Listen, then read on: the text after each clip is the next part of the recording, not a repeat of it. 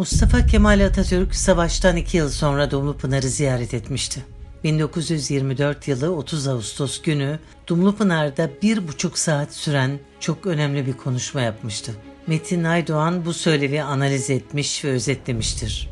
Der ki Atatürk'ün Başkomutanlık Savaşı'nın geçtiği alanda söylediği sözler yalnızca savaşa ait duyguların dile getirilmesi değil, onunla birlikte tarihe aktarılan kalıcı bir belgedir. Bu söylevle Türk ulusuna ve gelecek kuşaklar olduğu kadar dünyanın ezilen uluslarına da seslenmiş, onları dünyanın despotlarına karşı bağımsızlık ve özgürlük savaşına çağırmıştır. Bugün Metin Aydoğan'ı hasretle yad ederken Atatürk'ün 1924-30 Ağustos söylevini onun özetinden size aktarmak istedim. Şimdi önce 25 Ağustos 1922 akşamına dönelim. Mustafa Kemal Paşa 25 Ağustos itibariyle Anadolu'nun dış dünya ile haberleşmesini tümüyle kesmişti. Karargahını koca tepe arkasındaki bir tepeye taşımıştı. Ordu savaşa hazırdı. Tüm yokluklara karşın 200 bin kişilik bir ordu oluşmuştu. Silah ve cephane bulunmuştu. Birlikler donatılmıştı. 26 Ağustos sabahı gün doğumuna bir saat kala savaşı yöneteceği Kocatepe'ye geldi. Çok kanlı bir savaş başladı.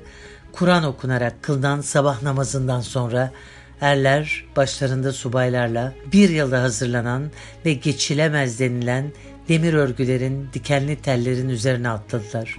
Lord Kinross Atatürk adlı kitabında şöyle yazıyor. Yunan mitralyözleri dalga dalga gelen Türk askerlerine ot gibi biçti. Ancak arkadan gelenler arkadaşlarının ölüleri üzerine basarak tırmanıyor ve tel örgüleri aşıyorlardı. Sonra tepelerden bir imamın ezan sesi duyuluyordu. Mevzinin ele geçirildiği böyle anlaşılıyordu. Dört gün sonra 30 Ağustos'ta büyük saldırı tamamlandığında Anadolu'daki Yunan ordusunun yarısı yani 100 bin asker yok edilmiş ya da esir alınmıştı. Yunan ordusu kaçarken Afyon-İzmir arasındaki 350 kilometreyi yaktılar. Uşağın, Alaşehir'in, Manisa'nın büyük kısmı yakılıp yıkıldı. Sonunda büyük zafer geldi. 4 Eylül'de Söğüt, Buldan, Kula, Alaşehir, 5 Eylül'de Bilecik, Bozüyük, Simav, Demirci, Ödemiş, Salihli, 6 Eylül'de Akisar ve Balıkesir, 9 Eylül'de İzmir ve 10 Eylül'de Bursa kurtarıldı.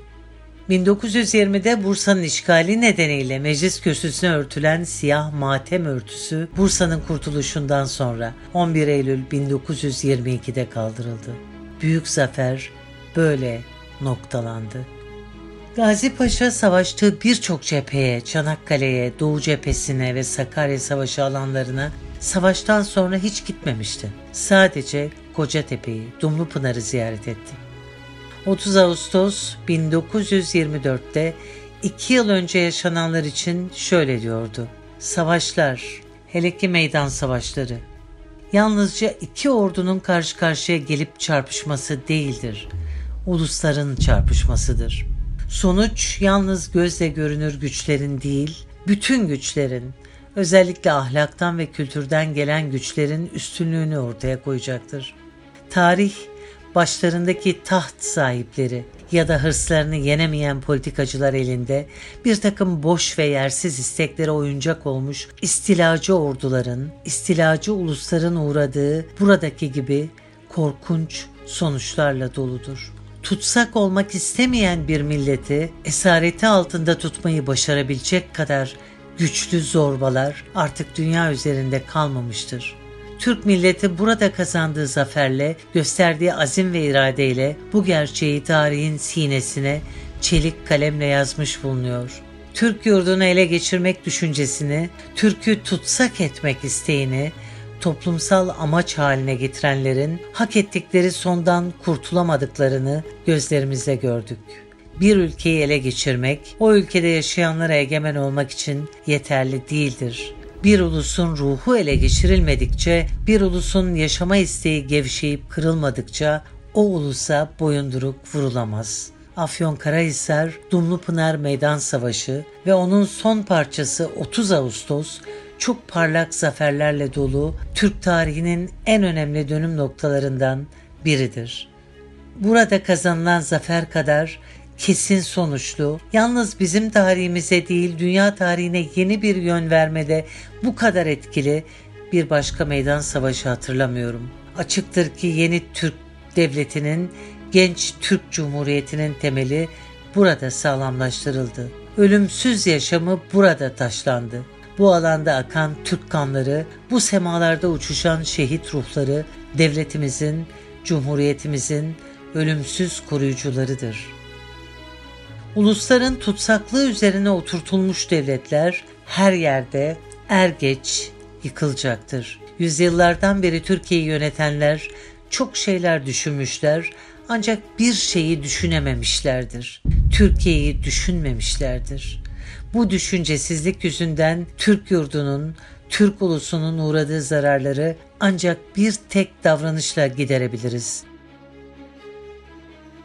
Türkiye'de Türk'ten başka bir şey düşünmemek. Bunca acıya katlanıp yıkımlara uğradıktan sonra Türk artık öğrenmiştir ki bu yurdu yeniden kurmak ve orada mutlu ve özgür yaşayabilmek için egemenliği hiç elden bırakmamak ve evlatlarını Cumhuriyet bayrağı altında örgütlü ve bilinçli bulundurmak gerekir.